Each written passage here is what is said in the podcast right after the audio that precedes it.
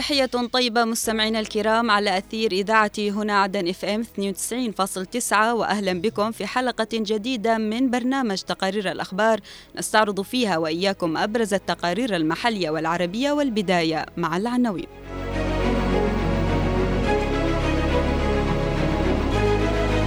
الجنوب يعزز تكامل الجهود الحضرمية لدحر المؤامرة اليمنية.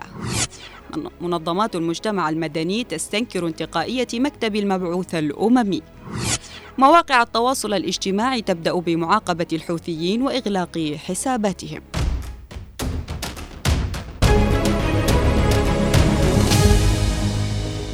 قام رئيس الجمعية الوطنية للمجلس الانتقالي الجنوبي علي الكثيري بزيارة للمرجعية القبلية المعروفة الحكم الشيخ صالح بن علي بن ثابت النهدي في منزله بمدينة المكلا لتأكيد تقريب وجهات النظر بين أبناء حضرموت وتعزيز اللحمة الوطنية. المزيد من التفاصيل في سياق التقرير التالي.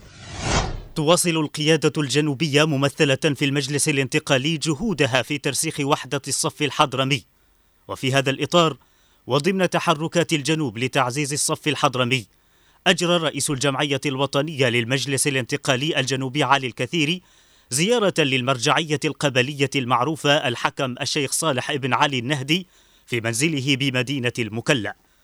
وناقش الكثير خلال الزيارة مع الشيخ النهدي وبحضور عدد من مشايخ قبيلة نهد ناقش العديد من القضايا التي تهم حضرموت والسبل الكفيلة بتعزيز وحدة صف أبنائها والدور المهم لمراجعها الاجتماعية والقبلية في هذا الجانب.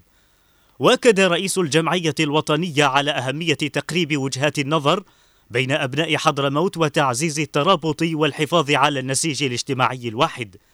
وأشار إلى أن حضرموت تحظى باهتمام خاص من قبل قيادة المجلس الانتقالي باعتبارها العمق الاستراتيجي للجنوب ومركزه الاقتصادي.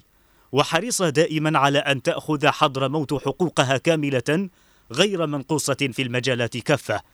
ومن المعلوم أن الحكم صالح ابن علي النهدي أكد وقوف ومساندة قبائل الوادي والصحراء للجهود التي يقودها نائب رئيس المجلس الانتقالي الجنوبي اللواء ركن فرج البحسني في مشروعه الداعي إلى توحيد الصف لأبناء حضرموت. واثنى الحكم النهدي على مخرجات اللقاء الذي دعا إليه اللواء البحسني في مدينة المكلا الخميس الماضي وصفا إياه بالناجح والمثمر. ودعا المشائخ والمناصب على ضرورة تفعيل دورهم في توحيد الصف الحضرمي ونبذ التعصب والفرقة وذلك لمساندة القيادة السياسية في اي استحقاقات قادمة. القيادة الجنوبية حريصة على تعزيز الصف الحضرمي وتعتمد في هذا الإطار على تقوية الروابط المحلية لتمكن من مجابهة أي تهديدات تحيط بالجنوب في هذا الصدد.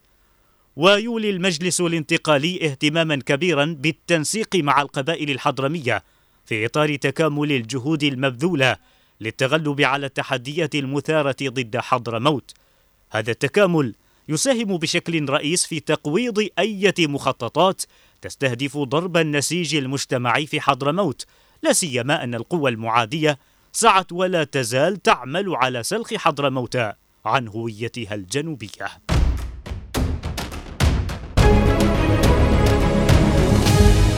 استنكرت عدد من منظمات المجتمع المدني الانتقائية والتغييب الذي انتهجه مكتب المبعوث الأممي إلى اليمن هانز جرودبيرغ للفاعلين المجتمعيين المحليين بالعاصمة عدن وعموم محافظات الجنوب ضمن جهوده الرامية لتعزيز دور المجتمع في عملية السلام. نتابع التفاصيل في التقرير التالي. يقف الجنوب على أرضية قوية وراسخة يتصدى فيها لأية محاولة لإقصائه أو تهميشه. تأكيدا على أن هذا الحضور جزء رئيس في مسار استعادة الدولة وفك الارتباط ويجري التمسك به ولا يقبل مقايضة أو مساومة سواء على المستوى الرسمي أو المجتمعي. وينظر إلى العاصمة عدن بأنها عاصمة القرار السياسي والوجهة التي تحدد بوصلته وبالتالي يظل من غير المقبول أي تهميش للجنوب على أي مستوى. وفي خطوة ترمز إلى هذا الموقف الراسخ في الوجدان الجنوبي. أصدرت 45 منظمة مدنية ومراكز دراسات في العاصمة عدن بيانا استنكرت فيه الإقصاء من أنشطة مكتب المبعوث الأممي هانس جراندبيرغ مستغربة من عقد اجتماع تشاوري احتكر على مكونين فقط. البيان الصادر عن المكونات الشبابية ومنظمات المجتمع المدني قال إننا في منظمات المجتمع المدني نتابع جهودكم نحو تعزيز دور المجتمع في عملية بناء السلام ونقدر اهتمامكم وإصراركم على ضرورة إشراك الشباب والنساء ومنظمات المجتمع المدني وبناء الجسور وربط مسارات السلام لإيقاف الحرب. البيان كذلك نوه إلى عدم اللجوء باعتماد آلية انتقائية كما حدث في اختيار المشاركين في اللقاء التشاوري الأخير في العاصمة عدن. والذي احتكر حضوره على مكونين فقط متجاهلا قطاعا واسعا من المنظمات والمكونات الشبابية الفاعلة والمؤثرة. وتابع البيان إن تجاهل هذه الأطراف يتنافى مع روح المسؤولية والتعاون الفعال في عملية صنع القرار وبناء السلام ولا يؤسس لمخرجات ناجعة ومستدامة في عملية السلام.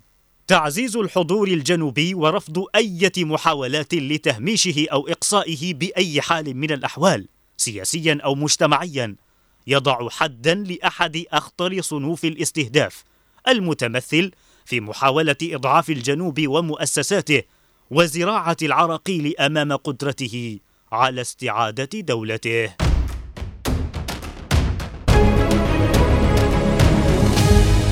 حذفت منصة إكس تويتر سابقا موقع ميليشيات الحوثي المسمى بموقع أنصار الله في أول إجراء ضد الجماعة عقب سريان تصنيف الولايات المتحدة لها كمنظمة إرهابية.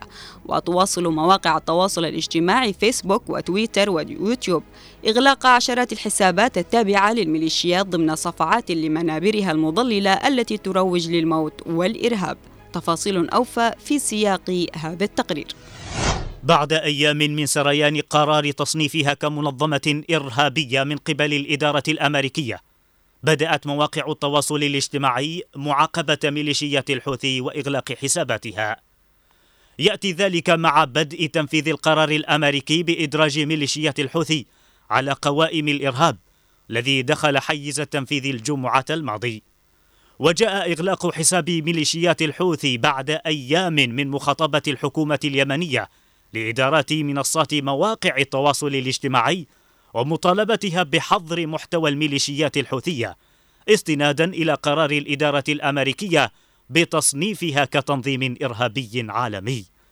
ميليشيات الحوثي تستغل منابرها على منصات مواقع التواصل الاجتماعي للتحريض على استهداف السفن التجارية وناقلات النفط في خطوط الملاحة الدولية في البحر الأحمر وباب المندب وتقويض سلامة الشحن الدولي والتدفق الحر للتجارة العالمية. وحتى يوليو الماضي أغلقت مواقع التواصل الاجتماعي فيسبوك تويتر يوتيوب عشرات الحسابات التابعة للميليشيات ضمن صفعات لمنابرها المضللة التي تروج للموت والإرهاب. وبحسب اعتراف ميليشيات الحوثي فقد أغلقت مواقع التواصل الاجتماعي نحو 24 حسابا وقناة للميليشيات الحوثية بينها 18 قناة للإعلام الحربي وصفحة وكالة الأنباء سبا الحوثية فيما أغلقت منصة إكس حساب المركز الإعلامي للميليشيات الحوثية للمرة الرابعة على التوالي. كما طال الحجب والإغلاق قنوات حوثية تبث خطابا يدعو للموت والإرهاب وأخرى تروج لقتل الميليشيات فضلا عن إغلاق قنوات وحدتي الإنتاج الفني والوثائقي للميليشيات. وبحسب ما أقرت به ميليشيات الحوثي فإن عدد المشتركين بالقنوات المغلقة على يوتيوب كان أكثر من 500 ألف كما تحتوي على أكثر من سبعة آلاف فيديو. كان قد بلغ عدد المشاهدات لها أكثر من 90 مليون مشاهدة. وعقب إغلاق حساباتها هاجمت ميليشيات الحوثي إدارات فيسبوك وإكس ويوتيوب.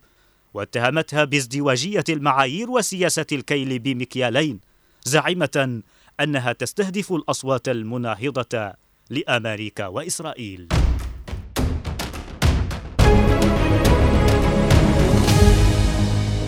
إلى هنا نصل مستمعينا الكرام إلى ختام هذه الحلقة من برنامج تقارير الأخبار. كنت معكم من الإعداد والتقديم عفراء البيشي ومن الإخراج خالد الشعيبي. أطيب التحية إلى اللقاء.